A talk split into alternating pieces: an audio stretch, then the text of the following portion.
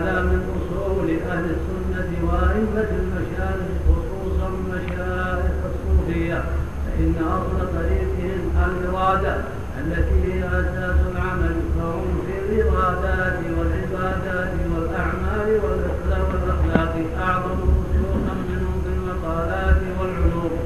وهم بذلك أعظم اهتماما وأكثر عناية. بل من لم يدخل في ذلك لم يكن من أهل الطريق بحال وهذا حق فإن الدين والإيمان قول وعمل وأوله قول القلب وعمله. ومن لم يكافر من لم ينقذ بقلبه ولم يدل لله لم يكن مؤمنا ولا داخلا في طريق الله.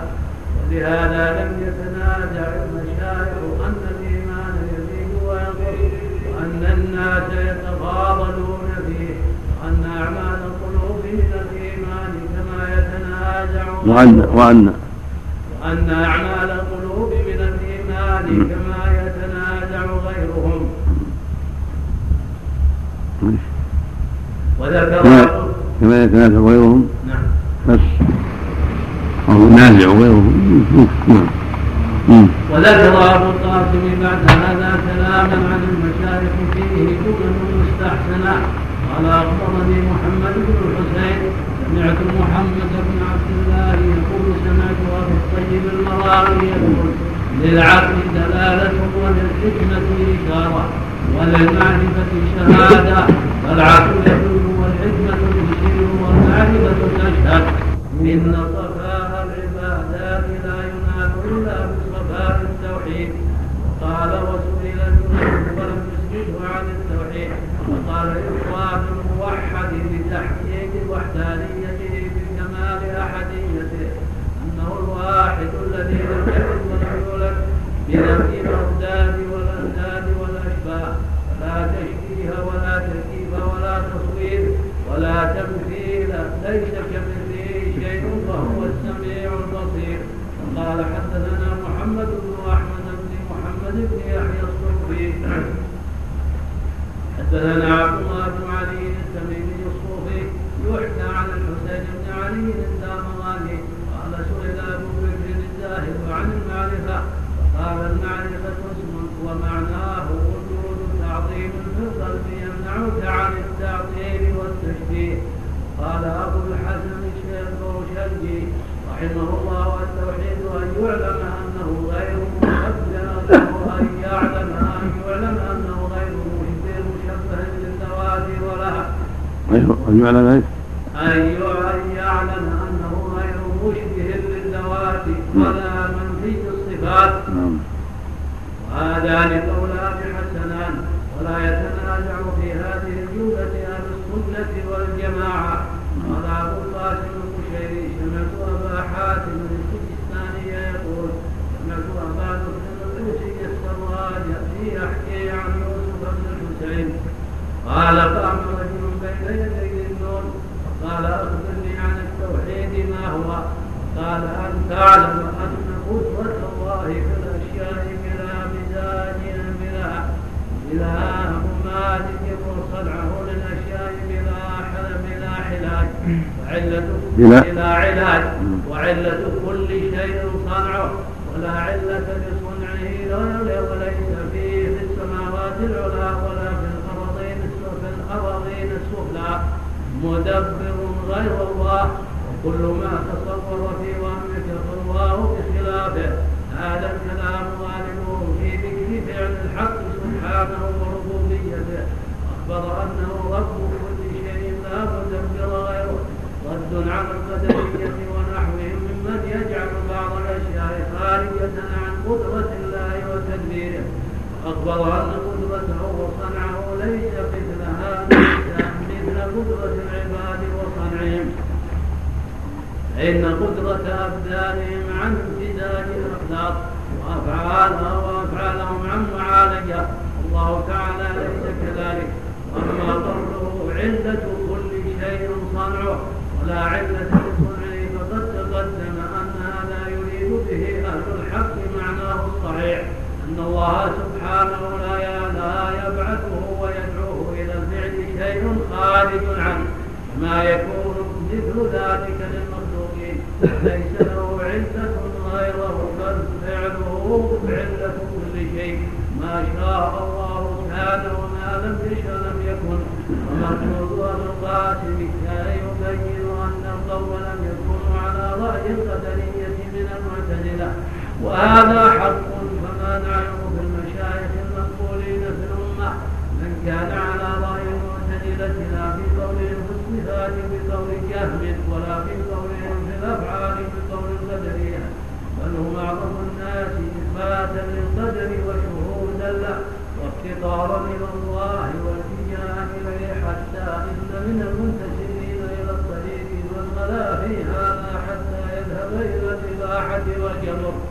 ويعرض عن الشرع والأمر والنهي هذه العادة المتصوفة والمتفطرة وأما التكريم بالقدر فقليل فيهم جدا ثم عنهم في الإيمان كلمتين يدل بهما على أن الإيمان عندهم مجرد التصديق وليس هذا مذهب القوم بل الذي حكاه عن الجنيد قال وقال الجنيد التوحيد علم سويت بأن الله خلق في أثريته لا ثاني معه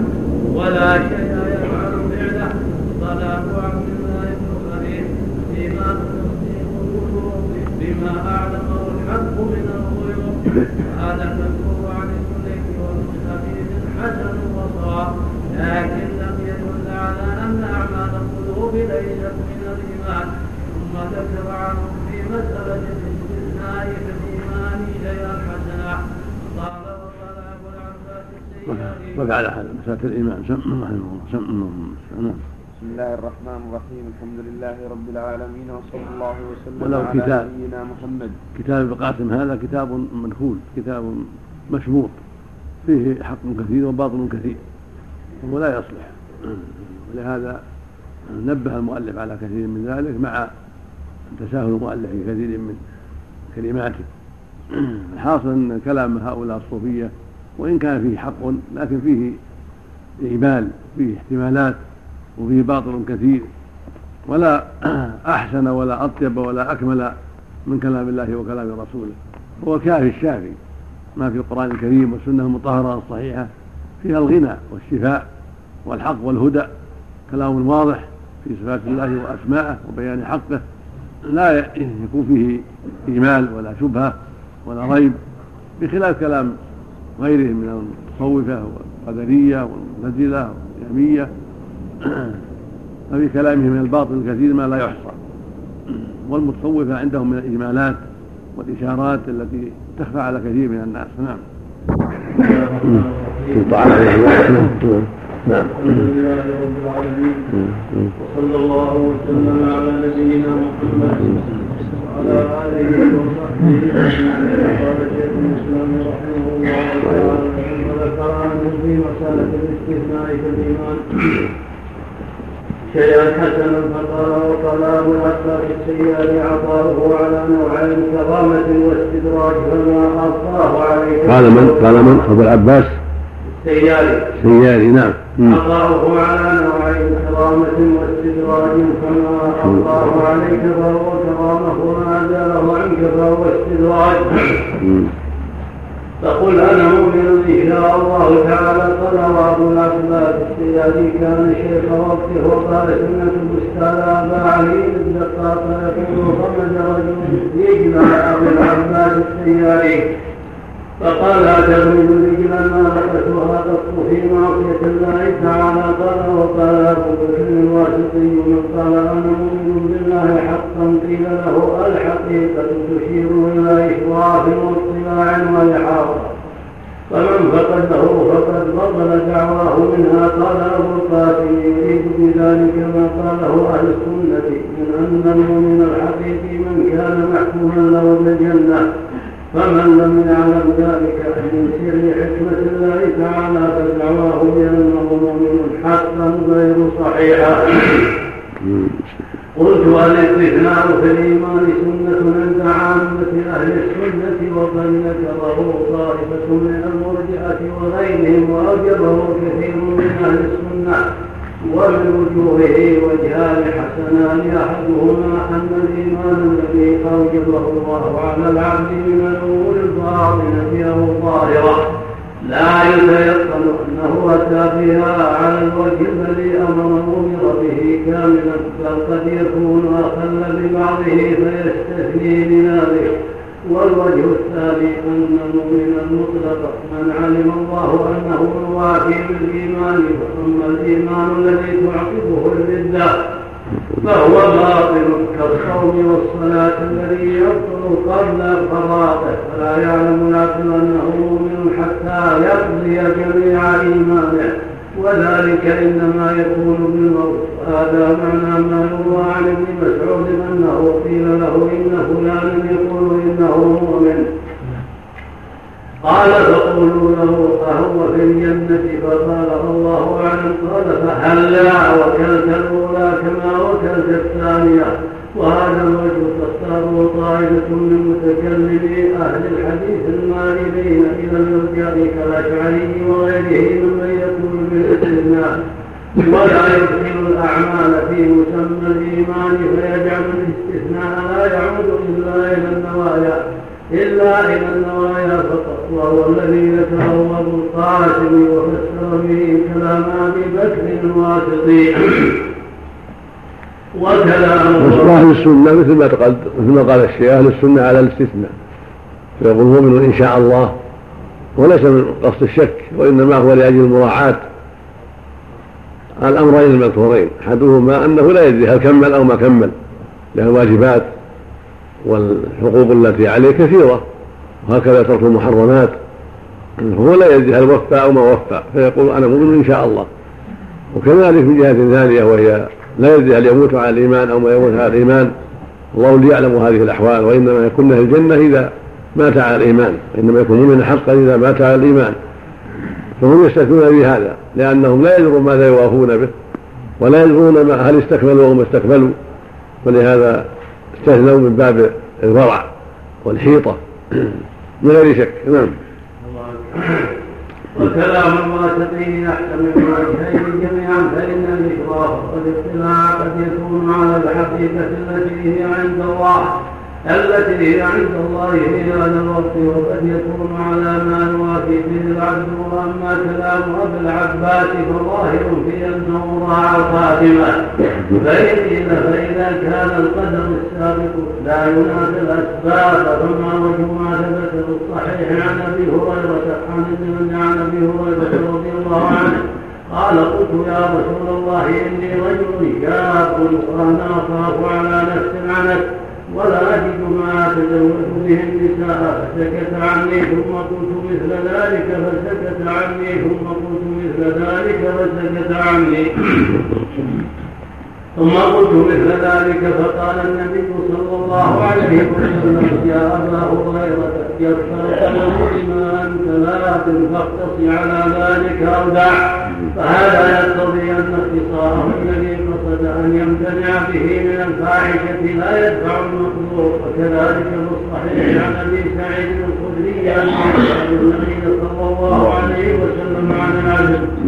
فقال النبي صلى الله عليه وسلم لا عليكم ان تفعلوا فما من مسمة كتب الله ان تكون الا وهي كائنه فهذا يقتضي ان عز الماء وهو سبب لعدم العلو لا فائده فيه, فيه لدفع ما كتبه الله من الاولاد وفي الصحيحين عن ابن عباس وهو في مسلم عن وهو في مسلم عن رضوان بن حصين وهذا اخوه ان النبي صلى الله عليه وسلم. قال يدخل الجنة من أمتي سبعون ألفا بغير حساب. قال ومن هم يا رسول الله؟ قال هم الذين لا يكفرون ولا يسترقون ولا يتطيرون وعلى ربهم يتوكلون.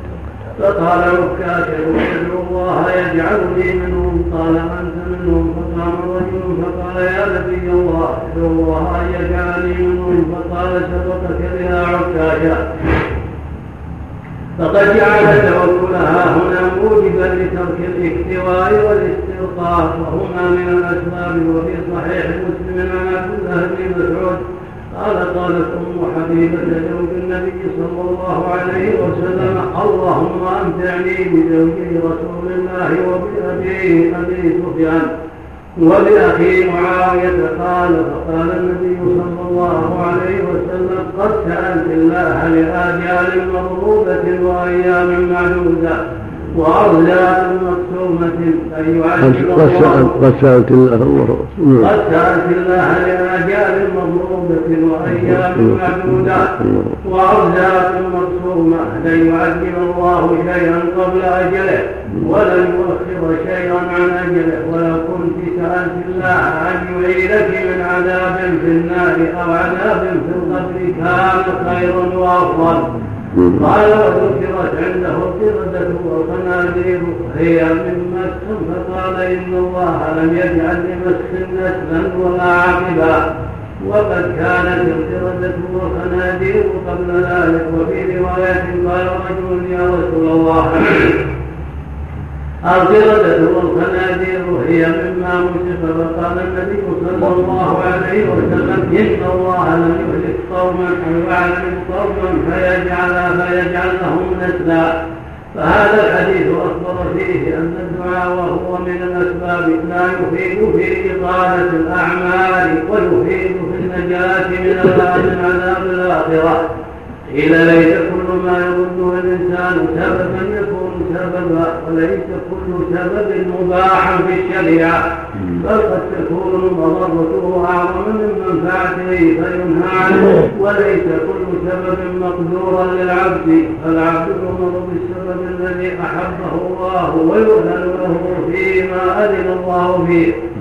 مع أمره بالتوكل على الله تعالى أما فأما ما لا قدرة له فيه.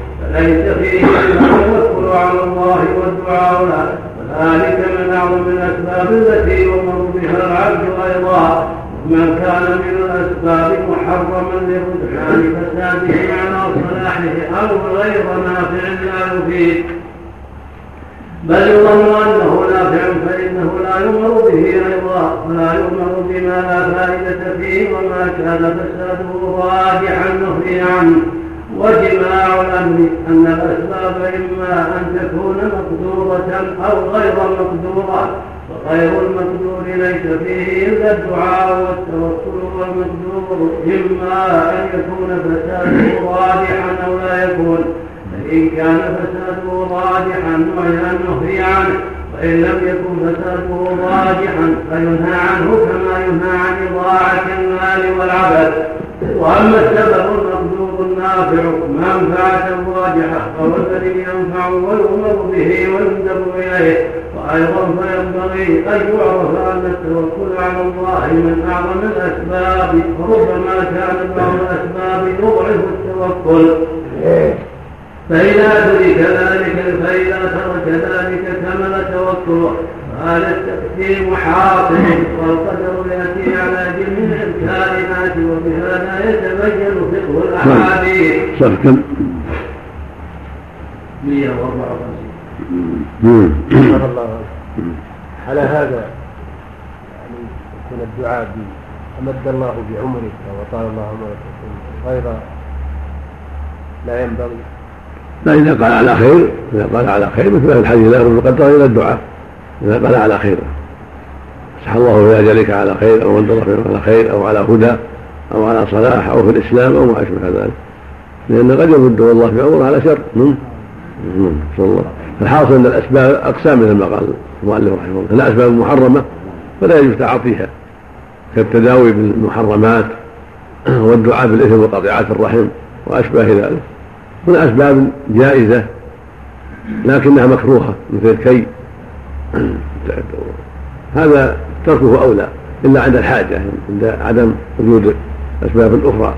آخر الطب الكي ولهذا قال ما أحب أن أكتوي مع أن قال الشفاء ثلاث كية نار أو شرطة محجر وشربة عسل.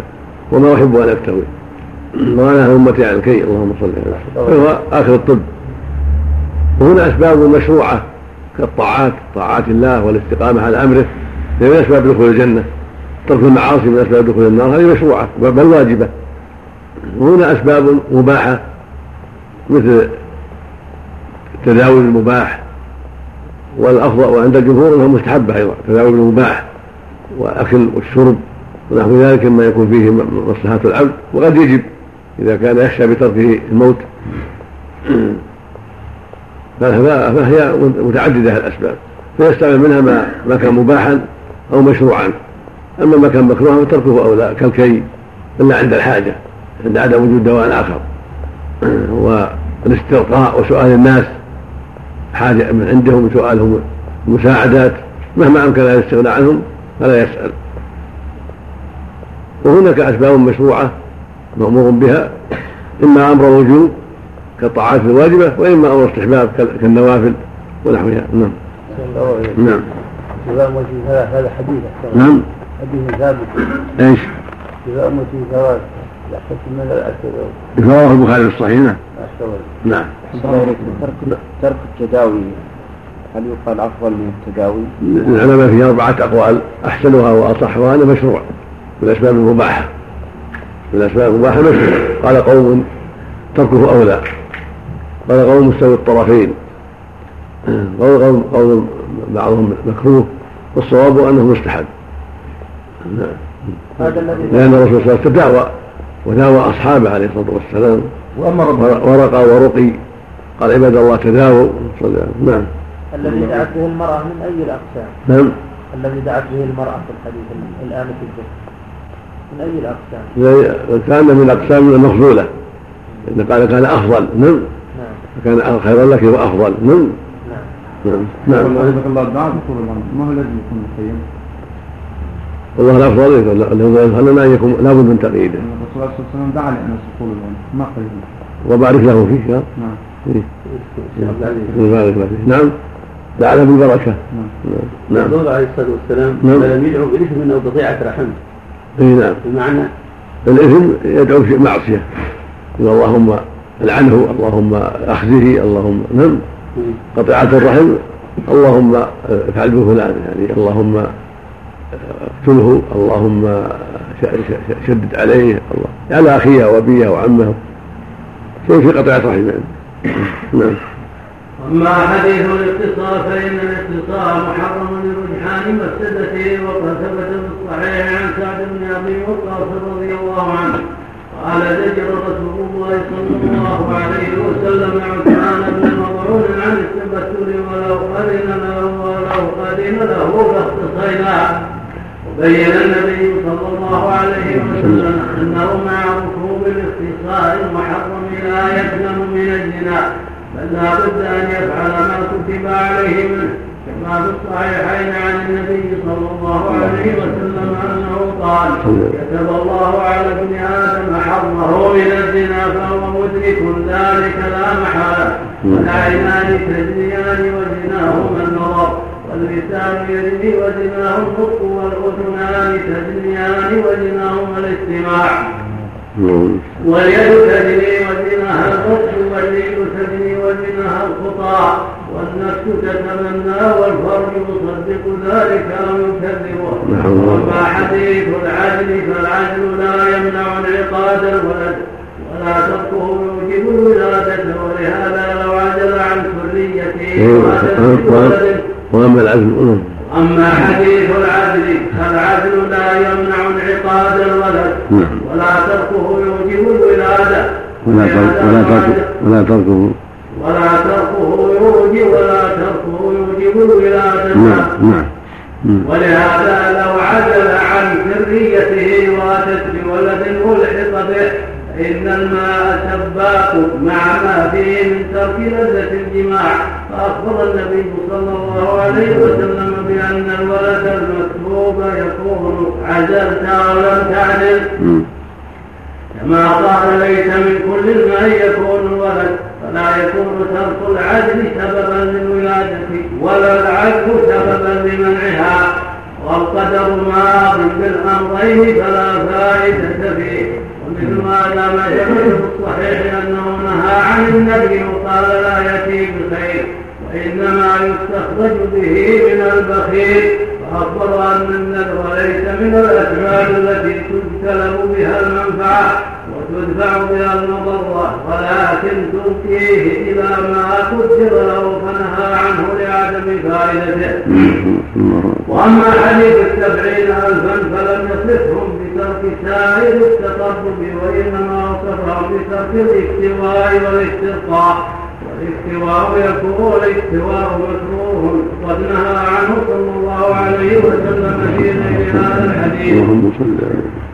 لما قال وأنا انهى امتي عن الكيد والمستقي لم يفعل شيئا إلا اعتماده على الراقي فتوكله على الله سبحانه وحده لا شريك له أنفع له من ذلك وهذا الجواب الآخر وهو أن المستقي يوضع وهو ان المستقي يضعف توكله على الله فإنه إنما طلب دعاء الغير ورقيته فاعتماد قلبه على الله وحده وتوكله عليه أكمل لإيمانه وأنفع له وأما حديث أم حبيبة ففيه أن الدعاء يكون مشروعا نافعا في بعض الأشياء دون بعض. وكذلك هو ولهذا لا يجب لا يحب الله المعتدين في الدعاء. الأعمار المقدرة لم يشرع الدعاء بتقييدها بخلاف النجاة من عذاب الآخرة فإن الدعاء مشروع له نافع فيه. وقد كتبت مسألة زيادة العمر بصلة الرحم في غير هذا الموضع. ولا يلزم من تأثير صلة الرحم ونحو ذلك أن يزيد العمر كما قد يقال بزيادة العمر بتأثير الدعاء. ولذلك كان يترك ولذلك كان يكره أحمد أن يدعى له بطول العمر ويقول هذا فرغ منه. ثم ذكر ما جاء في الرؤيا. قال أبو القاسم سمعت الشيخ أبا عبد الرحمن السلمي رحمه الله يقول سمعت منصور بن عبد الله يقول سمعت ابا الحسن العنبري يقول سمعت سهل بن عبد الله التستري يقول ينظر إليه تعالى المؤمنون بأصحاب من غير احاطه ولا إدراك نهاية.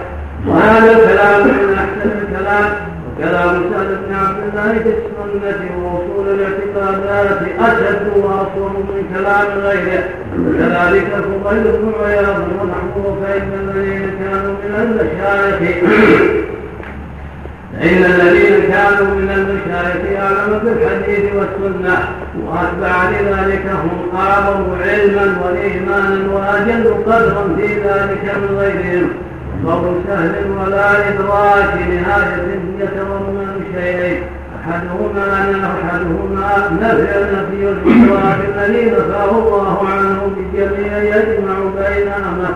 يجمع ما بين أثبته الكتاب والسنة وما نفى.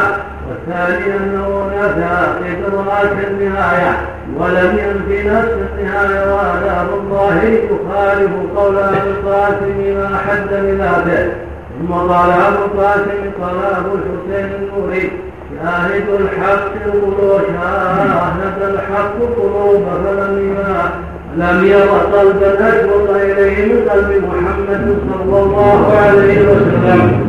أكرمه بالمعراج تاكيدا للرؤيه والمكالمه وقصده بهذه الحكاية اثبات رؤيه محمد صلى الله عليه وسلم ربه ليلة المعراج. وهذا قول وهذا قول أكثر أهل السنة أنه ظن ربه بفؤاده ثم ذكر ما جاء في العلوم قال سمعت الإمام ابا بكر محمد بن الحسن ابن فروك يقول سمعت محمد بن المحبوب خادم ابي عثمان المغربي يقول قال لي أبو عثمان المغربي يوما يا محمد لو قيل لك أين معبودك؟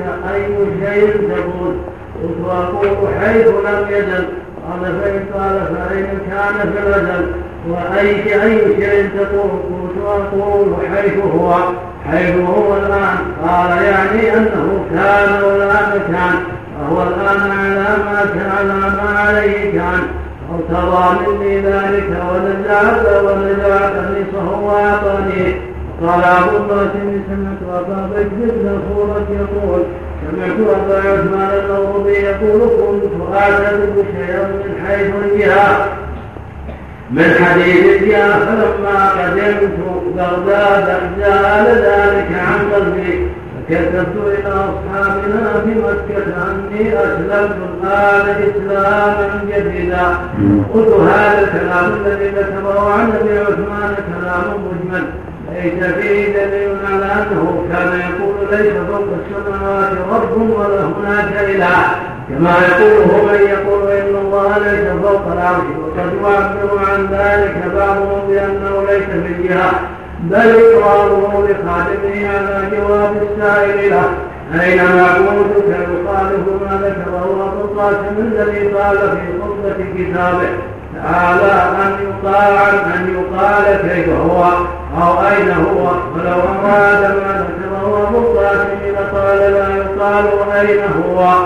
بل قال حيث لم يجد وهذا لا يوافق قول من يقول ليس من داخل العالم ولا خارجه لا خارجه ولا هو فوق العرش ولا في لأن قوله حيث لم يزل إخبار بأنه حيث لم يزل وحيث ظرف من ظروف المكان لا يطلق إلا على الجهة والحيز.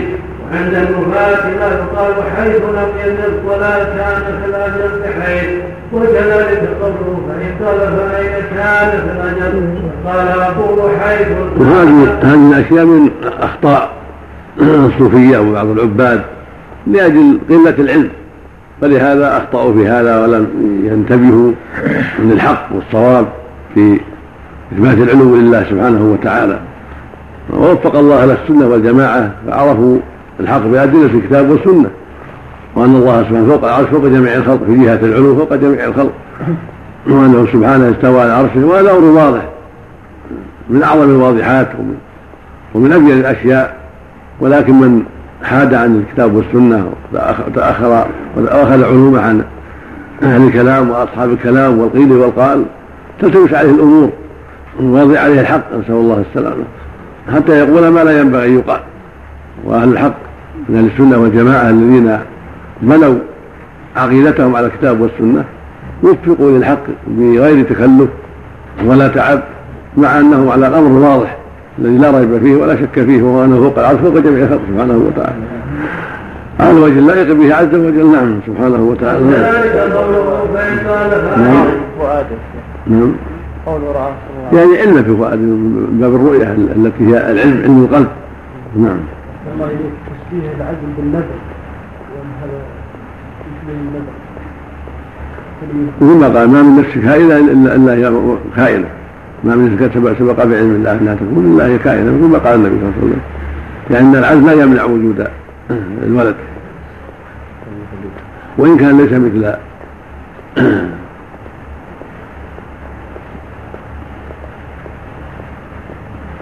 العزم له نوع تسبب لكنه ما يمنع. نعم. نعم. تقييم الفرج مش التأديب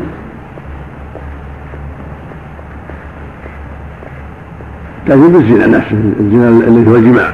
لا لكن ما يسقط ما يسقط زنا العين وزنا اليد. هذه لها لها آثامها. نعم. نعم. وكذلك قوله تعاطى الحبوب حبوب منع الحمل يقاس على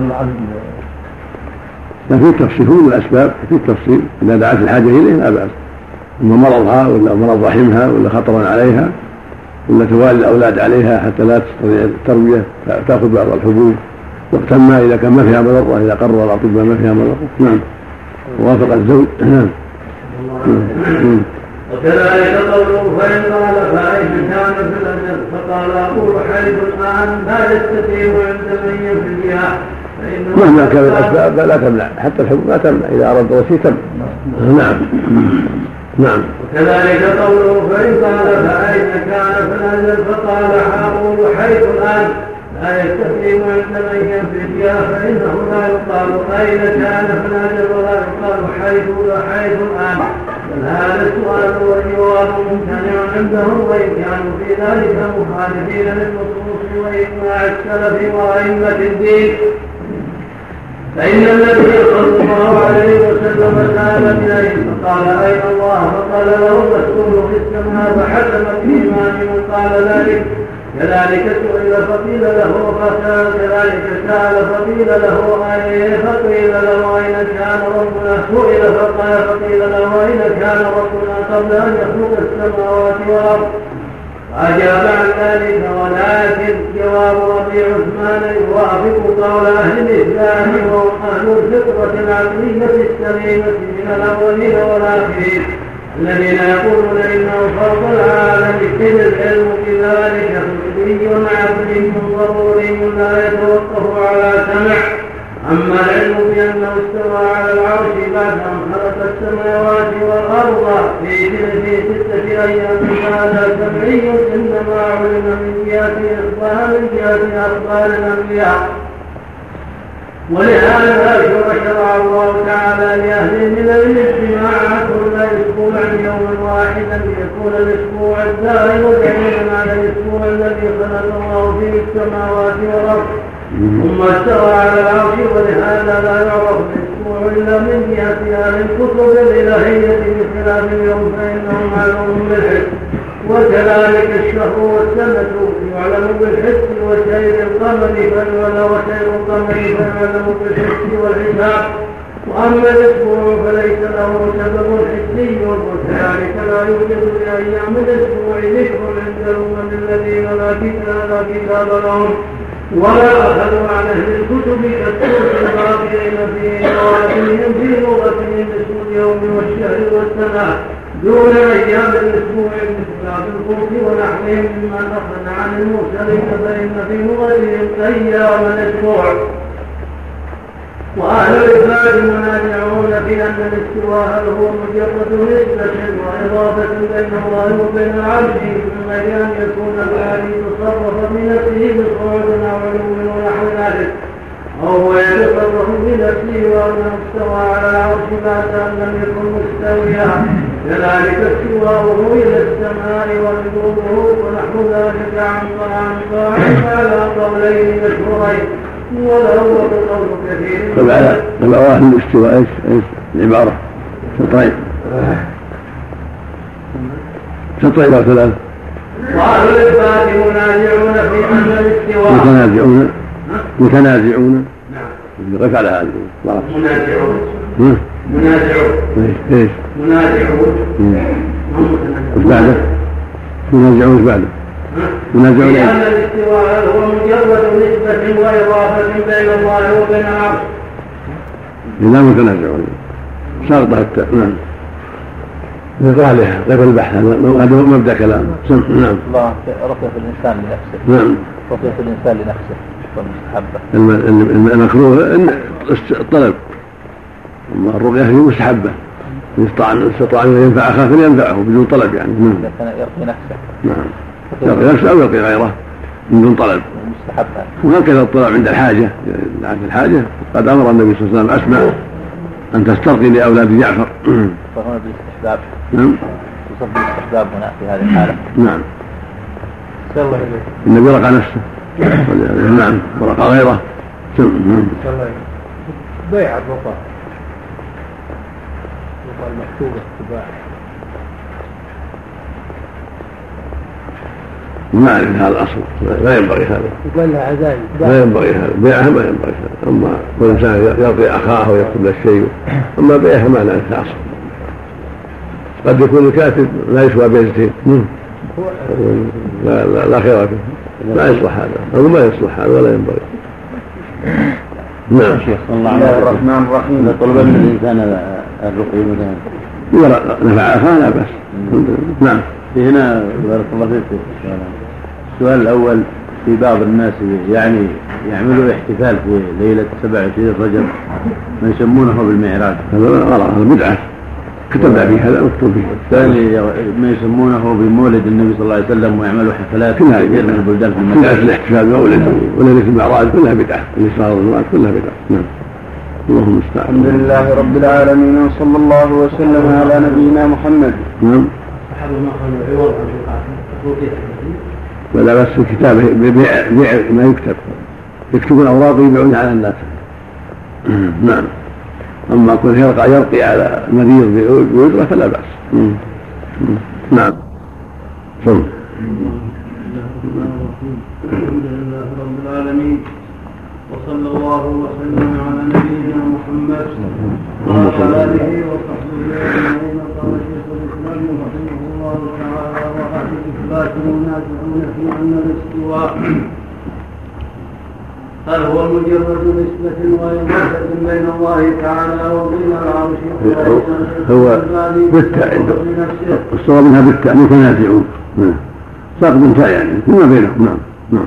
متنازعون في أن الاستواء هل هو مجرد نسبة وإضافة بين الله وبين العرش من غير أن يكون الباري تصرف بنفسه بصعود أو علو ونحو ذلك؟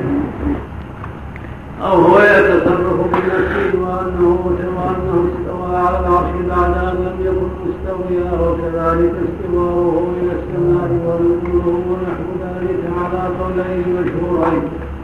والأول قول كثير ممن يميل إلى الكلام وقول طائفة من الفقهاء والصوفية والثاني قول أهل الحديث وقول كثير من أهل الكلام والفقهاء والصوفية. فكلام ابي عثمان ظاهره يوافق القول الأول وأما الذي كان يعتقده في الجهة ثم رجع عنه. فهو أمر مجمل مجمل لم يذكره فلعله كان يعتقد من التجسيم والتمثيل ما يقوله أهل الضلال من الرافضه والمجسمه فرجع عن ذلك فإن هذا ممكن ولعله كان يعتقد أن الباري تعالى محصور في السماوات تظله وتظله وأنه مفتقر إلى عرش يحمله فرجع عن ذلك وأعظم ما يقال إنه كان يعتقد أن الاستواء من الصفات الفعلية المتجددة وأنه يفعله بنفسه ثم رجع عن ذلك إلى أنه على ما كان عليه. مع كونه مستويا على العرش لكنه خلق العرش بعد أن لم يكن مخلوقا فيجب أن يكون موصوفا بأنه فوق العرش. وهذا يقوله كثير من المثبتة وإن كان هذا ليس موضع الكلام فيه. فأما أن يقال إن أبا عثمان رجع عن اعتقاد علو الله على خلقه وأنه سبحانه بائن عن مخلوقاته. عال عليهم فليس في كلامه ما يفهم منه ذلك بحال ثم لو فرض أن أبا عثمان قال قولا فيه غلط لم يصلح أن يجعل ذلك أصلا لاعتقاد القوم فإن كلام أئمة المشايخ المصرحة المصرحة بأن الله فوق العرش كثير منتشر. فإذا وجد عن بعضهم ما يخالف ذلك كان ذلك خلافا لهم فالصوفية يوجد فيهم المسلم والمخطئ كما يوجد في غيرهم.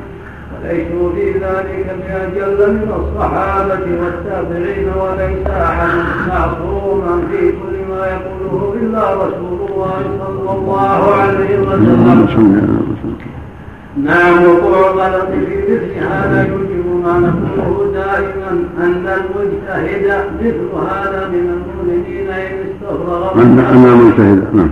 أن المجتهد مثل مثل هذا من المؤمنين استفرغ وسعه وسعه في طلب الحق فإن الله يغفر له خطأه وإن حصل منه نوع تقصير فهو ذنب لا يجب أن يبلغ أن يبلغ الكفر وإن كان يطلق القول بأن هذا الكلام كفر كما أطلق السلف كما أطلق السلف على من قال ببعض مقالات الجهمية مثل القول بخلق القرآن أو إنكار الرؤيا. ونحو نحو ذلك مما هو دون إنكار علو الله على الخلق وأنه فوق العرش فإن تكفير صاحب تكفير صاحب هذه المقالة كان عندهم من أظهر الأمور فإن التكفير المطلق مثل الوعيد المطلق لا يستلزم لا يستلزم تكفير الشلاء لا يستلزم تكفير الشخص المعين حتى تقوم عليه الحجة التي التي يكفر تاركها. كما ثبت في الصحاح عن النبي صلى الله عليه وسلم في الرجل الذي قال إذا أنا مت فاحرقوني ثم اسحقوني ثم اذروني في اليم. والله لئن قدر الله علي ليعذبني. عذابا لا يعذبه أحدا من العالمين. فقال الله له ما حملك على ما فعلت. قال خشيتك فغفر له.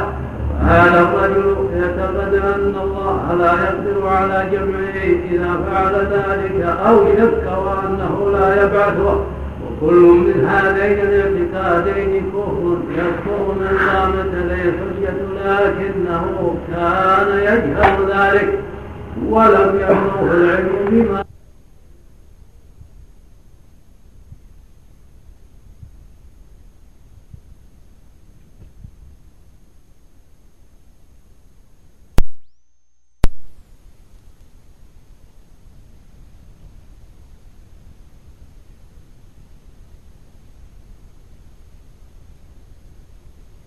تكفير صاحب تكفير صاحب هذه المقالة كان عندهم من أظهر الأمور فإن التكفير المطلق مثل الوعيد المطلق لا يستلزم لا يستلزم تكفير الشرع لا يستلزم تكفير الشخص المعين حتى تقوم عليه الحجة التي التي يكفر تاركها كما ثبت في الصحاح عن النبي صلى الله عليه وسلم الرجل الذي قال إذا أنا مت فاحرقوني ثم اسحقوني ثم ادروني في اليم.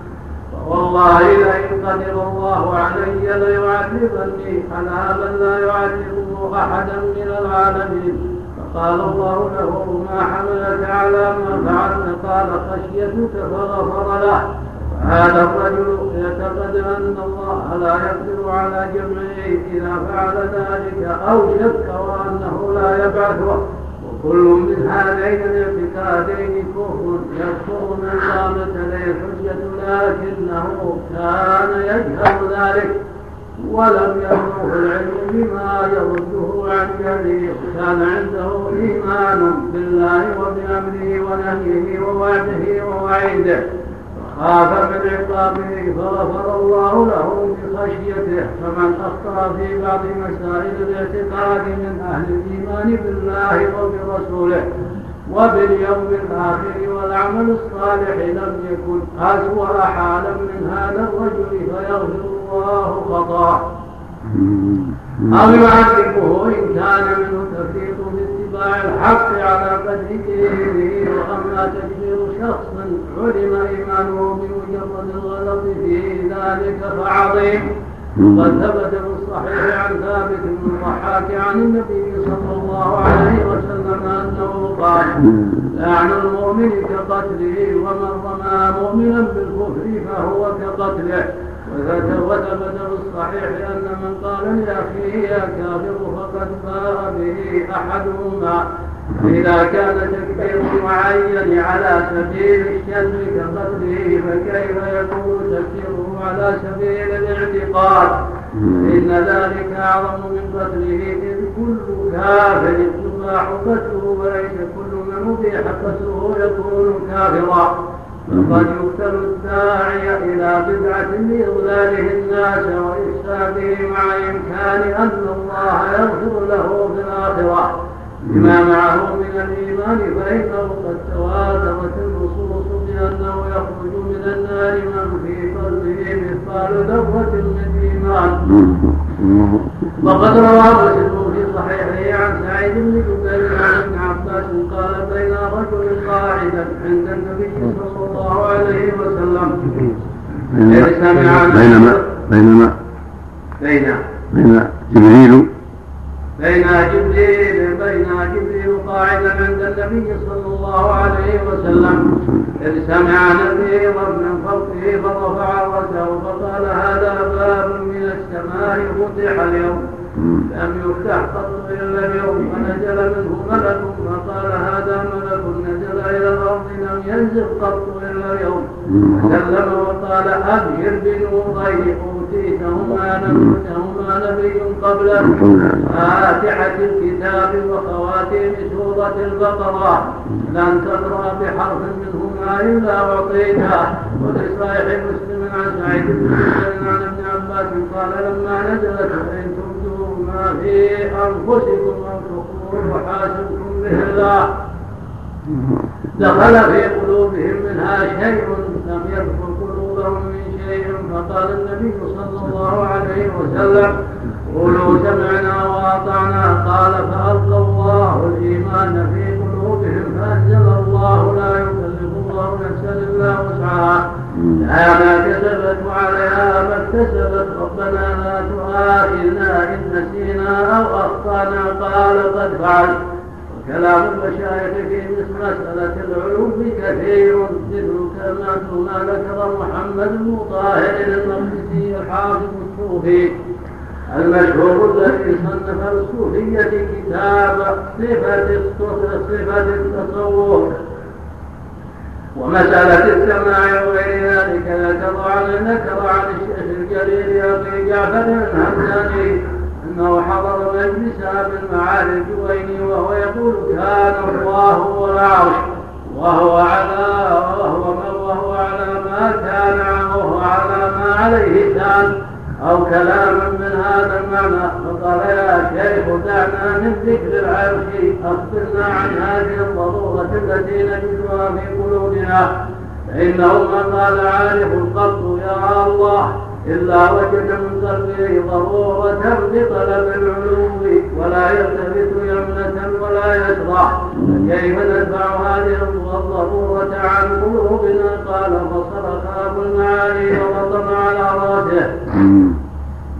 وقال حيرني الهمداني حيرني الهمداني. وقال الإمام العارف معمر بن أحمد الأصبهاني الصوفية في أواخر المئة الرابعة قبل في رسالة له.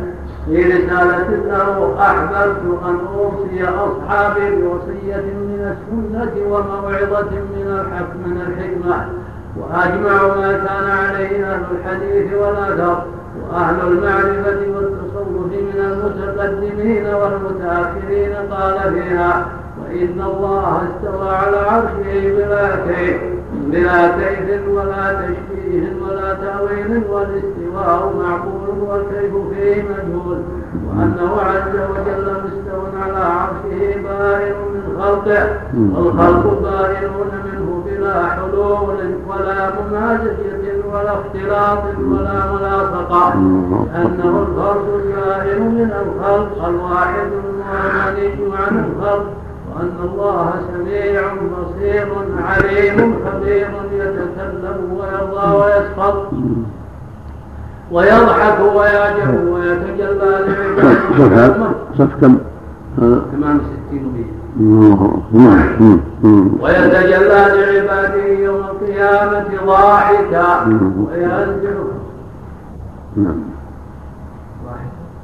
وينزل لعباده يضحك إليه معناه. ضاحك. نعم. وينزل كل ليلة إلى سماء الدنيا كيف شاء. فيقول هل من داع فأستجيب له هل من مستغفر فأغفر له. هل من تائب فأتوب عليه حتى يطلع الفجر. ونزول الرب إلى السماء بلا كيف ولا تشبيه ولا تأويل. ومن انكر النزول أو تاول فهو مبتدع ضال ثم ذكر كلامه في القدر قال ابو القاسم سمعت محمد بن الحسين كلام كلام معمر هذا كلام طيب. كلام موافق لكلام السلف سلف الأمة. نعم. اللهم المستعان وهذا هو الحق أنه وجوب إثبات الاستواء. على العرش استواء يليق بجلال الله. لا يشابه الخلق في شيء من صفاتهم هو استواء بلا كيف. لا يعلم كيفيته إلا هو سبحانه وهكذا رضاه وغضبه ونزوله وغير ذلك. كله يجب إثباته لله على الوجه اللائق بالله بلا كيف سبحانه وتعالى. نعم اللهم ثم ذكر كلامه القدر قال ابو القاسم. سمعت محمد بن الحسين سمعت محمد بن الحسين يقول سمعت أبا عثمان المرغبي يقول وقد سئل عن الخلق فقال الغوالب واشباح تجري عليهم احكام القدره قال وقال الواسطي لما كانت الارواح والاجساد قامتا بالله وظهرتا به وظهرتا به لا بذواتها كذلك قامت الخطرات والحركات بالله لا بذواتها إن الخطرات والحركات فروع الأجساد والأرواح قال أبو القاسم من هذا الكلام أن أفعال العباد مخلوقة لله وكما أنه لا خالق للجواهر إلا الله فكذلك لا خالق للأعراض إلا الله وهذا الذي قاله صحيح وهو متفق عليه بين المشايخ لا يعرف منه من انكر شيئا من اصول السنة في مسائل القدر وقال سمعت الشيخ ابا عبد الرحمن السلمي يقول محمد بن عبد الله سمعت أبا جعفر الصيدلاني سمعت أبا سعيد الخراج يقول يا الخراج يقول من ظن أنه انه ببذل الجهد يصل ومتعند من ظن أنه ببذل الجهد يصل فمتعند يصير يصل يصير يصل باللام نعم يصل إيش؟ فمتعند لو. متعني. تعني متعنن لو متعني نعم. نعم. ومن ظن أنه بغير الجهد يصل فمتمن. مم. هذا كلام حسن كما قال النبي صلى الله عليه وسلم في الحديث الصحيح. احرص على ما ينفعك واستعن بالله ولا تعجز وإن أصابك شيء فلا تقل لو أني فعلت كذا وكذا. ولكن قل ما قدر الله وما شاء فعل ولكن قل ولكن قل ما قدر ما- الله وما شاء فعل قل قدر الله. ما ما زايد غلط. نعم. ولكن قل قدر الله وما شاء. ما هذه عندك زايدة ولكن قل قدر, قدر الله وما شاء فعل يعني هذا قدر الله. ويحتمل يقال قدر الله ان قدر الله هذا اسمه في المحذوف المقصود ان إن ما هذه ما لها محل. نعم. رواه مسلم في الصحيح بدون بدون معنى نعم. ولكن قل قدر الله وما فعل له تفتح عمل الشيطان. وقال لن يدخل أحدا عمله الجنة. قالوا ولا أنت يا رسول الله؟ قال ولا أنا إلا أن يتغمدني الله بفضله ورحمته. ثم قال والمعنى ان في بذل الجهد يصل بتوفيق الله ورحمته لا بمجرد بذل الجهد. إنما بذل الجهد من أسباب التوفيق والهداية. عليه بذل الجهد وعليه العناية وعليه الحرص. وأما وأما كونه يصل ويوفق هذا إلى الله جل وعلا. لكن من أسباب ذلك أنه يبذل المستطاع. ومن من سنة الله ومن رحمته وفضله ان أنه يوفق من اجتهد وطلب الحق. ولكن مثل ما قال الحديث الصحيح لا يدخل الجنة أحد أحد منكم بعمله. قالوا ولا أنت يا رب قال ولا أنا. إلا أن يتغمد الله برحمته منه وفضل فدخول الجنة والنجاة من النار وقبول الأعمال فضل من الله سبحانه وتعالى. لكن من أعرض وغفل فقد هلك. قال جل ادخلوا الجنة بما كنتم تعملون. هذه باء السبب يعني بأسباب الأعمال.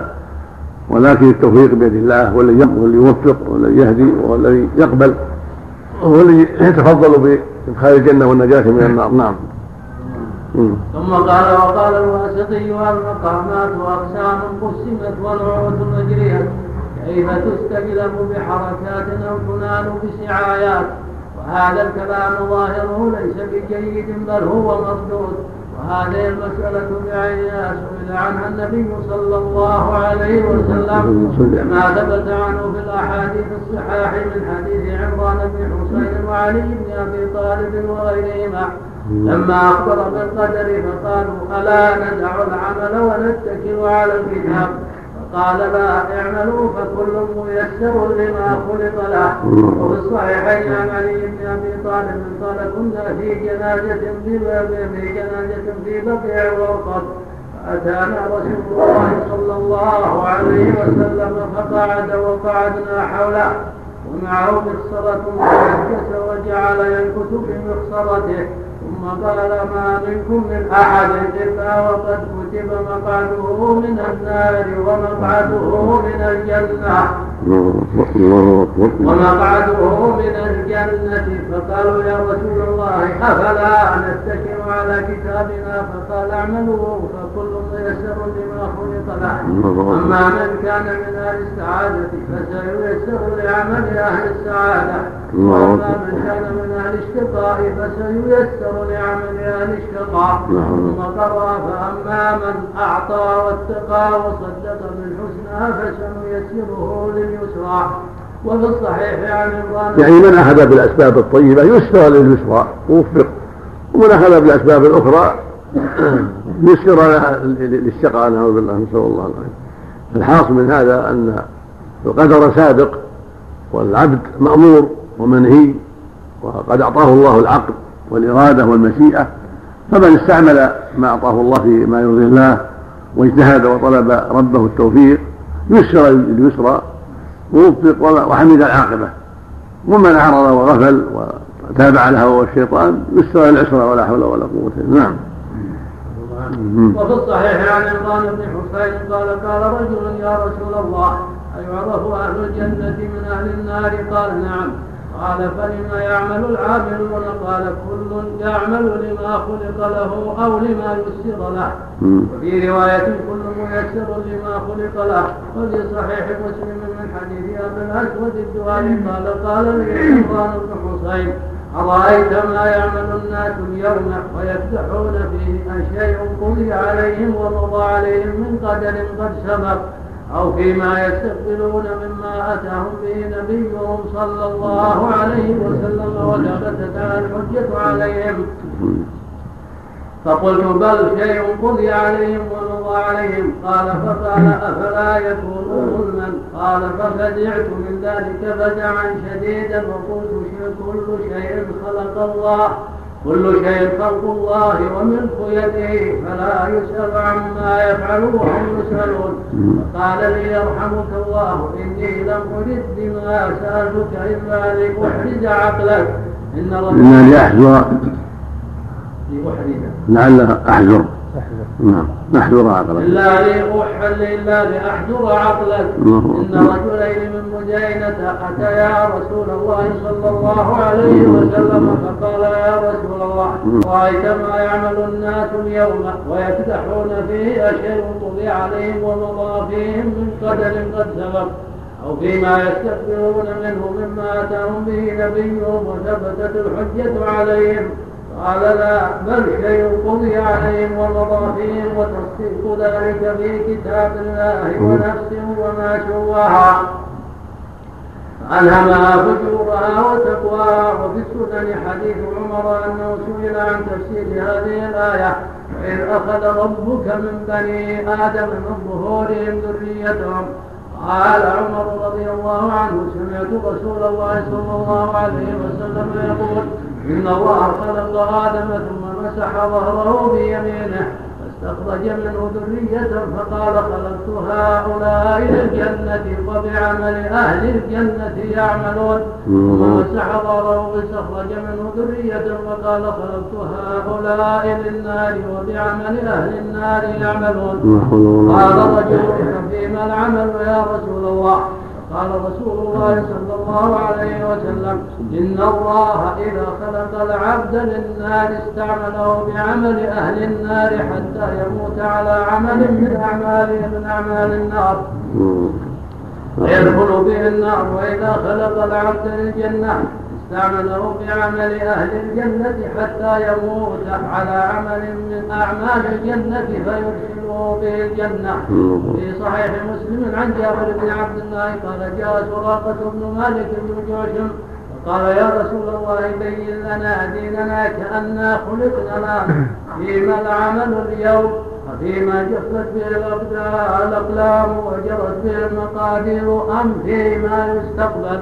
قال لا بل فيما جفت به الأقلام وجرت به المقادير قال ففيما العمل؟ فقال اعملوا فكل ميسر وفي لفظ كل عامل ميسر لعمله. وفي السنن عن ابن أبي عن ابن أبي خزامه عن ابيه قال قلت يا رسول الله أرأيت رقا نسترقيها ودواء نتداوى وفي عن ابن أبي عن ابن أبي خزامه. بعد نعم اللهم صل بسم الله الرحمن الرحيم. اللهم الحمد لله رب العالمين. ابن خزامه في في التقريب خزامه نعم نعم. نعم.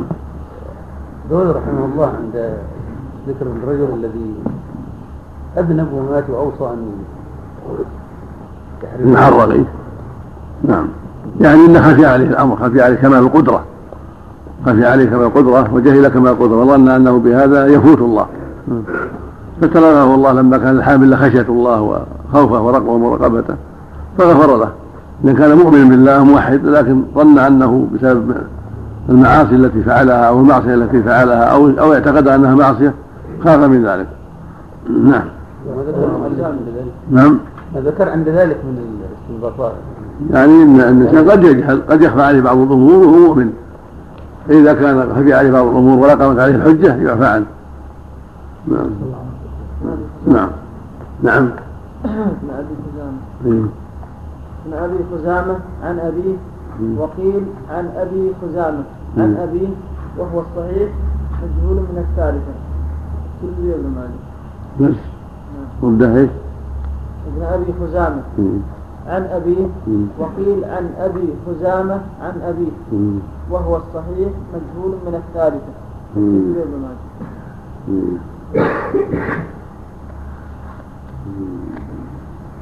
تراجعها في في في الأدوية في الطب. الحديث هذا. الله الشيخ هذا. يسأل لك الشيخ هذا. تراجع في في الترمذي. الحديث هذا.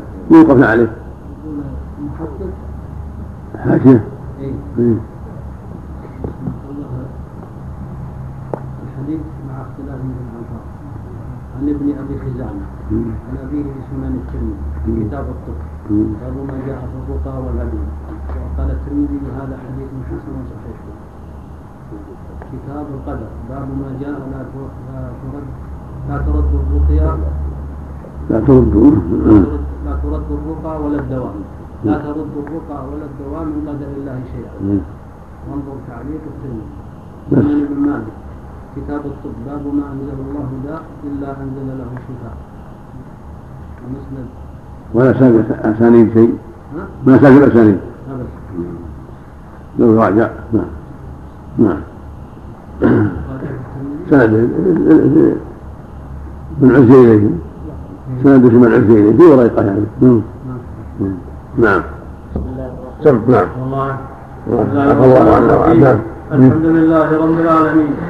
وصلى الله وسلم على نبينا محمد وعلى آله وصحبه أجمعين.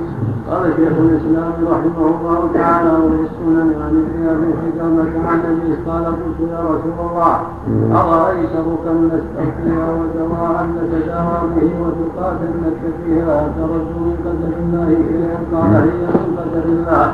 فهذه السنن وغيرها تبين أن الله سبحانه وتعالى قد تقدم علمه وكتابه وكلامه بما سيكون من السعادة والشقاوة.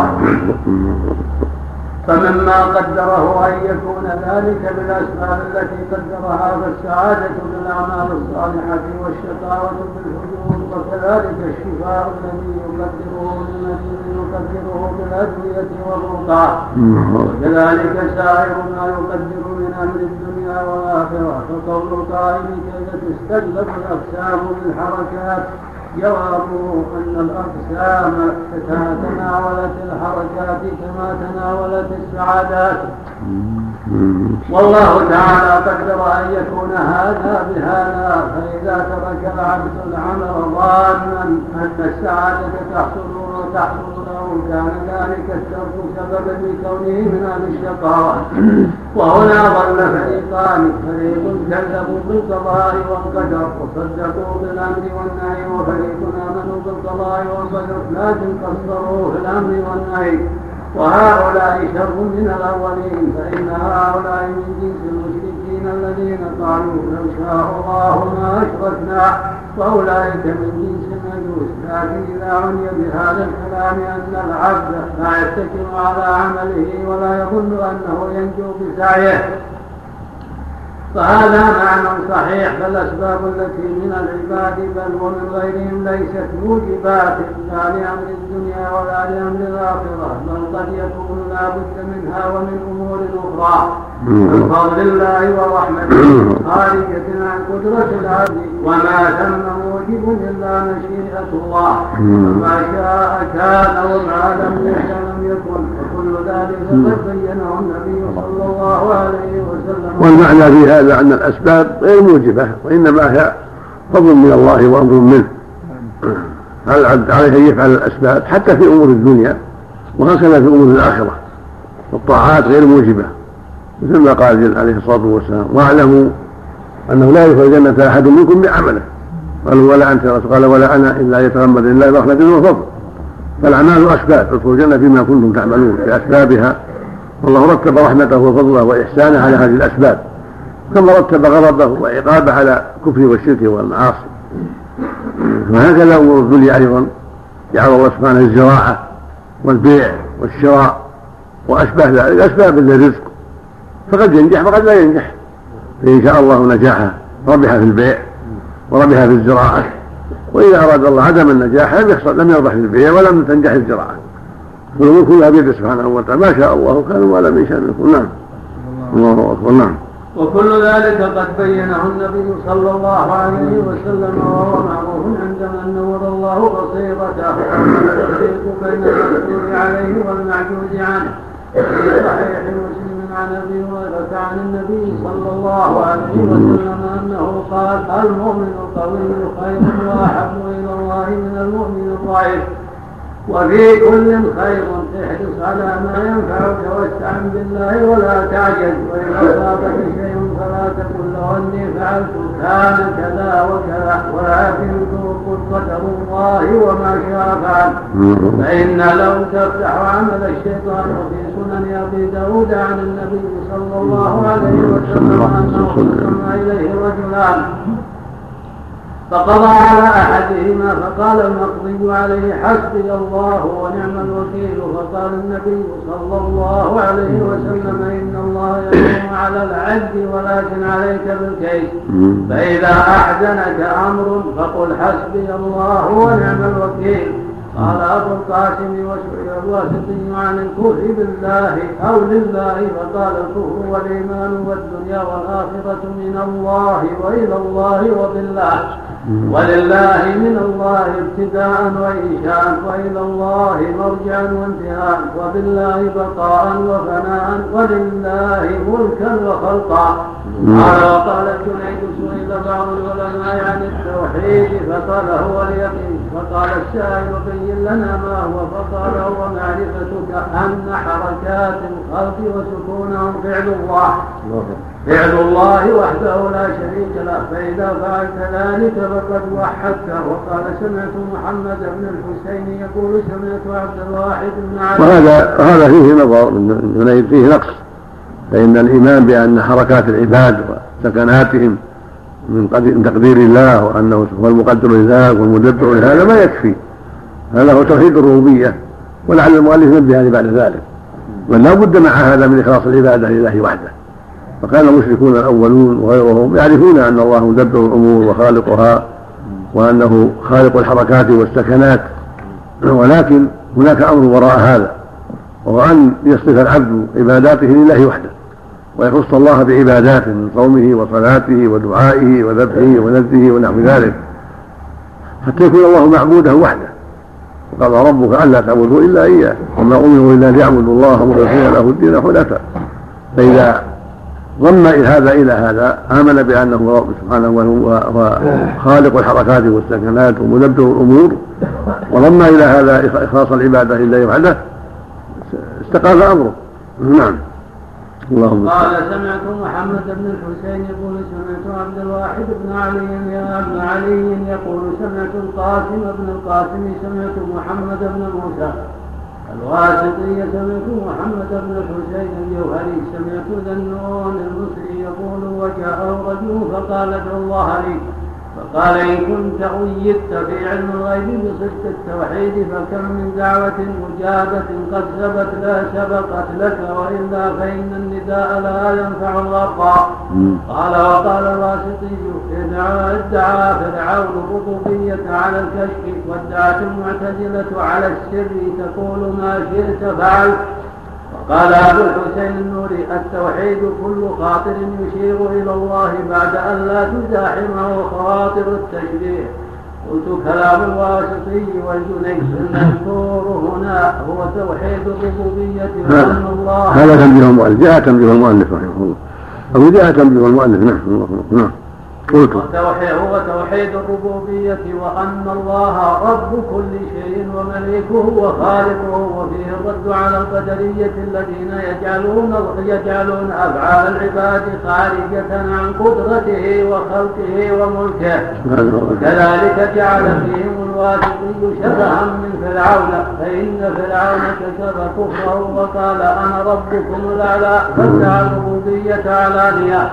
والقدرية تدعي أن أنها رب الأفعال وما يتولد عنها فقد ادعت ربوبيته لكن في السر وهي ربوبية أفعال الأعيان. لكن مقصود أهل التحقيق كالجنيد النحوي أن يكون هذا التوحيد أن يكون هذا التوحيد للعبد خلقا ومقاما بحيث يعطيه ذلك كمال توكله على الله تعالى وتفويضه إليه والصبر بحكمه والرضا بقضائه ما لم يخرجه ذلك إلى إسقاط الأمر والنهي والثواب والعقاب والوعد والوعيد. كما يقع في بعض ذلك طائفة من المتصوفة وأما قول ذي النون إنك إن كنت أيدت في علم الغيب بصدق التوحيد فلا يراد به مجرد الإقرار.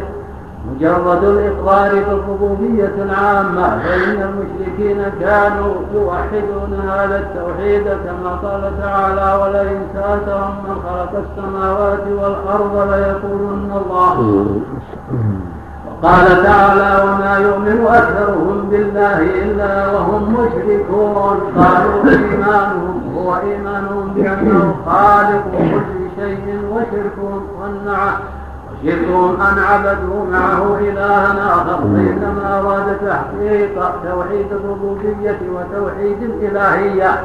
وهو يعبد الله وحده لا يشرك به شيئا فهذا التوحيد الذي جاءت به الرسل هو هو يسعد صاحبه ويدخل الجنة لا محالة من دعوة مجابة ومن فاته هذا التوحيد فإن الله لا يغفر أن يشرك به فلا ينفعه الدعاء. وهذا هو التوحيد المذكور في قول المراضي صفاء العبادات لا ينال إلا من صفاء التوحيد. أما قول النور التوحيد كل خاطر يشير إلى الله فهو يعم ذلك يقول كل توجه إلى الله وحده بقول أو عمل فهو توحيد. إذا لم يكن فيه تشبيه الخالق بالمخلوق أو المخلوق بالخالق كما في قول الجهمية والمنكرة والقدرية ونحوهم وقد تقدم ما ذكره المشايخ من نفي التشبيه والتعطيل وكذلك ما ذكره عن الشيخ أبي عبد الرحمن. سمعت عبد الواحد بن بدر سمعت هلال بن أحمد يقول سئل أبو علي الروذباري عن التوحيد فقال استقامه القلب بإثبات مفارقه التعطيل وإنكار التشبيه والتوحيد في كلمة واحدة كل ما صورته الأفهام والأفكار فإن الله سبحانه بخلافه. ليس كمثله شيء وهو السميع البصير. قال وقال أبو القاسم النصر بهذه الجنة باقية بإبقائه وذكره لك ومحبته لك باق ببقائه. فشتان بين ما هو باق ببقائه وبين ما هو باق بإبقائه قال القشيري وهذا الذي قاله الشيخ النصر بهذه غاية التحقيق فإن أهل الحق قالوا صفات ذات القديم سبحانه باقية ببقائه تعالى. فنبه على هذه المسألة ونبه على الباقي ببقاء الباقي باق ببقائه خلاف ما قاله مخالف الحق. قلت النصر بعد المقصود والتفريق بين من طلب النعيم بالمخلوق وطلب النعيم لحظه من الخالق. فقال ما في المخلوق باطن بإبقائه وأما محبته لك وذكره لك فباطن ببقائه وليس مقصوده. أن البقاء الذي يوصف به الرب هو صفة جارية وأن البقاء الذي يوصف به الرب هو صفة زائدة على الذات بما ليس بصفة. كما ينازع فيه أهل الكلام مثل متكلمة أهل الإثبات وغيرهم بل القاضي أبو بكر الذي يعظمه القشيري ويقول هو أوحد وقته كان يقول ليس الباقي باقيا ببقاء والنزاع في هذه المسألة إذا حقق لم يرجع إلى معنى محصل يستوجب النزاع. ثم قال أبو القاسم حدثنا محمد بن الحسين سمعت النصر باري يقول ألا أنت متردد بين صفات الفعل وصفات الذات وكلاهما صفته تعالى. على الحقيقة فإذا هيمك في مقام التفريق قربك بصفات فعله وإذا بلغك إلى مقام الجمع قربك بصفات ذاته. قال وقوى أبو القاسم النصرباني كان شيخ وقته قلت هذا الكلام من النصرباني يقتضي أنه موصوف بصفات فعله على الحقيقة. مثل الخلق والرزق كما أنه موصوف بصفات الذات على الحقيقة كالعلم والقدرة وهذا هو الذي ذكره أبو بكر بن محمد بن إسحاق الكلاباني عن مذهب الصوفية في كتاب التعبد وهو قول جمهور الفقهاء وأهل الحديث. هو طوائف من أهل الكلام وليس هو قول الأشعرية الذين سلك سبيلهم أبو القاسم القشيري قال الخلق وقلت والرد عند عندهم عين المخلوق ولا يستحق أن يسمى بالقاسم الباعث الوارث إلا بعد وجود هذه المفعولات.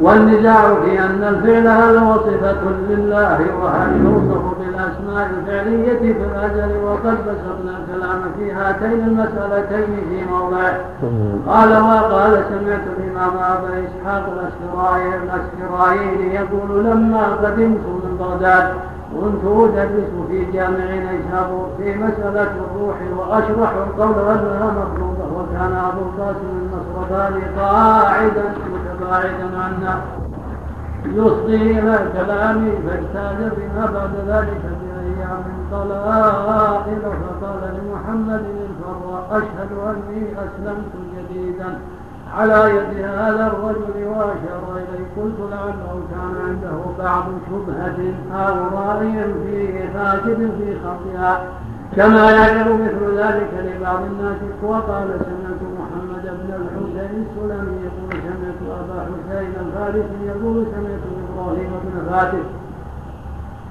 يقول سمعت الجنيد يقول متى يتصل من لا شبيه له ولا نظير بمن له شبيه ونظير. هيهات هذا ظن عجيب إلا بما لطف إلا بما لطف اللطيف من حيث لا درك ولا من حيث لا درك ولا وهم ولا إحاطة إلا إشارة اليقين وتحقيق الإيمان. قلت هذا الكلام يقتضي أن العباد إنما عرفوا ربهم بما لطف به من تعاطفه إليهم وهدايته إياهم بما أعطاهم. لا معرفة إدراك وإحاطة وهذا حسن وربما يتضمن نوعا من الرد على طريقة أهل النظر الذين يجعلونه بمجرد بمجرده محصلا للمعرفة المطلوبة وقال حدثنا محمد بن الحسين سمعت عبد الواحد بن بكر حدثني أحمد بن محمد البردعي. حدثنا طاهر بن إسماعيل الرازي قال قيل ليحيى بن معاذ أخبرني عن الله فقال إله واحد. فقال كيف هو؟ فقال ملك قادر فقال أين هو؟ فقال بالمرصاد. فقال السائل لم أسألك عن هذا؟ فقال ما كان غير هذا. كان صفة المخلوق فأما صفته فما أخبرتك عنه؟ قلت لا تعلم صحة هذا الكلام عن يحيى بن معاذ. إذ في الإسناد من لا نعرفه وكلام يحيى بن معاذ عندهم دون كلام الكبار. دون كلام الكبار من أهل التحقيق في المعاملات وغيرها فإنه يتكلم في الرجاء بكلام يشبه كلام كان في يشبه كلام سفلة المرجئة لا يوافق أصول المشايخ الكبار المتمسكين بالسنة. ويدعي في التوحيد مقاما هو الله وقد عابه عليه أبوه يزيد وغيره وكلامه يشبه كلام الوعاظ وهي طريقة أبي القاسم ونحوه هذا الكلام المذكور من هذا الباب فإنه ليس كل ما لم يذكره في هذا الجواب بصفة المخلوق لله. بل لله صفات كثيرة عظيمة لم تذكر في هذا الكلام صفة المخلوق. كانت لأجل الاشتراك وهذا كله في الحقيقة كل كلام الصوفية هؤلاء وإن كان بعضهم له كلمات صحيحة لكن غالب كلامهم يدخله من الشبهة والقلق والضعف وعدم الوضوح ما يدخله. ولهذا تجد كلامهم دائما ملتبسا فيه من الاحتمال والاشتباه ما يجعله ليس أهلا لأن يحتج به ولأن ينكر. وكان كلام السلف من الصحابة والتابعين في غاية الوضوح. وغاية البيان لأنهم استقوه من كلام الله وكلام الرسول لا من أفكارهم وآرائهم وأذواقهم فكانت كلماتهم واضحة في وصف الرب جل وعلا وفي أحكامه وفي أوامره ونواهيه. فلهذا ينبغي لطالب العلم أن تكون همته وأن تكون مراجعاته ومطالعاته لكلام سلف الأمة لأن كلامه أوضح وأبين وأبعد عن الشبهة.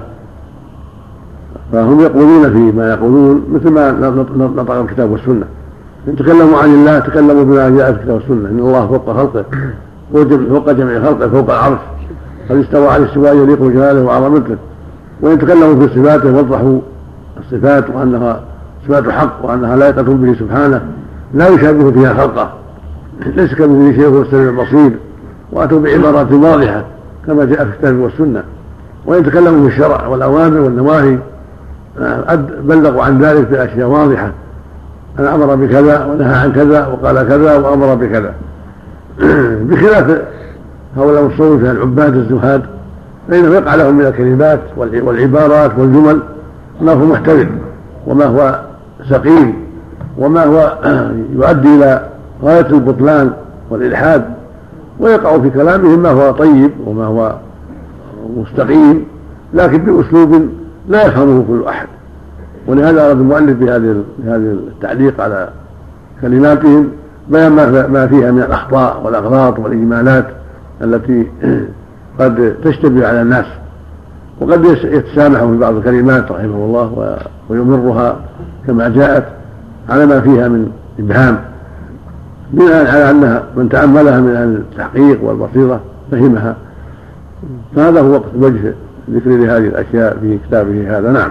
رحمه الله نعم ثم صفة المخلوق إن كان لأجل الاشتراك بالاسم فقوله ملك قادر وإنه بالمرصاد كما قال تعالى واقعدوا لهم كل مرصد وأيضا فالجواب عن أين هو؟ خلاف الجواب الذي رضيه رسول الله صلى الله عليه وسلم وأقره وحكم بإيمان قائله. وخلاف ما أجاب به هو سائله فإنه لما قال أين الله؟ قال أين الله؟ فقال قيل له في السماء. رضي بهذا وأقر صاحبه ولم يكن هذا صفة المخلوق وقد روى شيخ الإسلام الأنصاري الهروي صاحب علل المقامات ومنازل السائرين في كتابه كذا له قد روى. اللهم اغفر نعم. بسم الله الرحمن الرحيم. الحمد لله رب العالمين وصلى الله وسلم على نعم. غير الله في السماء أو فوق السماء. أين الله؟ قال في السماء لما سأل جارية. قال أين الله؟ قال في السماء في العلو. السماء مرة في العلو يعني. الله أكبر. نعم. مثل ما قال تعالى منهم من في السماء. يعني في العلو. نعم. قال الإمام الترمذي رحمه الله تعالى لأن السماء يطلق على أمرين. يطلق على البناء السماء المبنية يقال سماء ويقال يطلق على العلو يقال سماء نعم كله. كله. العلو الله بسم الله الرحمن الرحيم. الحمد لله رب العالمين. نعم. رسالة ثمامة سابقة على إسلامه نعم. نعم. وصلى الله وسلم على نبينا محمد وعلى آله وصحبه أجمعين. قال شيخ الإسلام رحمه الله تعالى وقد روى شيخ الإسلام كما جاء في الاتصال حديث غيث بن عاص نعم. نعم. وقد روى شيخ الإسلام الأنصاري الهروي صاحب علل المقامات ومنازل السائلين في كتابه المسمى بالفاروق بإسناده عن يحيى بن معاذ أنه قال إن الله على العرش بائن من خلقه. وقد أحاط بكل شيء علما وأحصى كل شيء عددا لا يشد عن هذه المقالة إلا جهمي ردي ضليل وهالك مرتاق عمن عمن عن يحيى بن معاذ. نعم. أنه قال إن الله على العرش طائر من خلقه وقد أحاط بكل شيء علما وأحصى كل شيء عددا لا يشد عن هذه المقالة إلا جهمي ردي ضليل وهالك مرتاب يمزج الله بخلقه ويخالط منه الذات بالأقدار والإتيان في هيئته وهو يخالف إنكاره العين في هذه الروايات وقال أبو القاسم حدثنا محمد بن الحسين سمعت أبا بكر الرازي يقول سمعت أبا علي الروزباري يقول كل ما توهم متوهم بالجهل أنه كذلك فالعقل يدل على أنه بخلاف قال وسئل ابن شاهين وسأل ابن شاهين الجنيد عن معنى مع فقال على معنيين مع الأنبياء بالنصرة والكلاه قال الله إنني معكم أسمع وأرى ومع العامة بالعلم والإحاطة. قال الله تعالى ما يكون من نجوى ثلاثة إلا هو رابعهم. فقال ابن شاهين مثلك يصلح أن يكون دالا للأمة على الله. قلت هذا كلام حسن متفق على صحة معناه بين أئمة الهدى. وكانوا يقولون مثل هذا. وهذا هو الحق الذي عليه أهل السنة والجماعة. المعني المعنية المعية الواردة في الكتاب والسنة على معنيين إحداهما أحدهما معنى النصرة والتأييد والحفظ والكلاءة وهذه المعية الخاصة التي جاء في جاءت في معنى قوله سبحانه إنني معكم ما أسمع وأرى. لا تحزن إن الله معنا إن الله مع الصابرين. هذه معناها المعية الخاصة الكلاءة والحفظ والتأييد والنصرة ونحو ذلك. والمعنى الثاني معنى العام. يدل على العلم والإحاطة وهو المعنية وهي المعية العامة وهو معكم أينما كنتم. فالمعنى علمه بهم وإحاطته بهم واطلاعه على أحوالهم ورؤيته لهم وهم لا يخفون عليه بل هو يعلم كل كل شيء. وهو أعلم بهم من مجالسيهم ومن أصحابهم ومن أنفسهم سبحانه وتعالى. أما القول بأن المعني معناها المخالطة والحلول هذا هو قول أهل الاتحاد والفساد والإلحاد في الدين نسأل الله العافية. نعم. ولهذا قال أبو عمر الطلمنكي وابن عبد البر وأبو نصر السجدي والجماعة قالوا أجمع العلماء على أن قوله معناه الله معكم معناه العلم والإحاطة. نعم. الله عنك. المعية معيتان معية خاصة ومعية نعم نعم. معية معية الكلاءة والحفظ والتأييد هذه معية لأوليائه. ومعية العلم والإحاطة معيته للعموم سبحانه وتعالى نعم. المعية هذه يا شيخ قول بعض الناس أن أهل السنة يؤولون. لا هذا ليس بالتأويل هذا إخبار عن الحقيقة التي أرادها الله جل وعلا. نعم. بالآيات يعني. بالآيات. نعم. نعم. قلت هذا كلام حسن متفق على صحة معناه بين أئمة الهدى وكانوا يقولون مثل هذا الكلام ردا على من يقول من الجهمية إن الحق بذاته في كل مكان. وينكر أن يكون فوق العرش وقد وقع في ذلك طائفة من المتصوفة حتى جعلوه عين الموجودات ونفس المصنوعات كما أهل الاتحاد العام قال القشيري وسئل ذنون المكري عن قوله الرحمن على العرش استوى فقال أثبت ذاته ونفى مكانه. فهو موجود بذاته والأشياء موجودة بحكمه كما شاء. قلت هذا الكلام لم يذكر لي ولم يذكر له ولم يذكر له إسنادا عن ذنون وفي هذه الكتب من الحكايات المسندة شيء كثير لا أصل له فكيف بهذه المنقطعات السيئة التي تتضمن أن ينقل عن عن معنى المشايخ كلام لا يقوله عاقل. فإن هذا الكلام ليس فيه مناسبة للآية بل هو مناقض لها فإن هذه الآية لم تتضمن إثبات ذاته ونفي مكانه بوجه من الوجوه. فكيف تفسر بذلك وأما قوله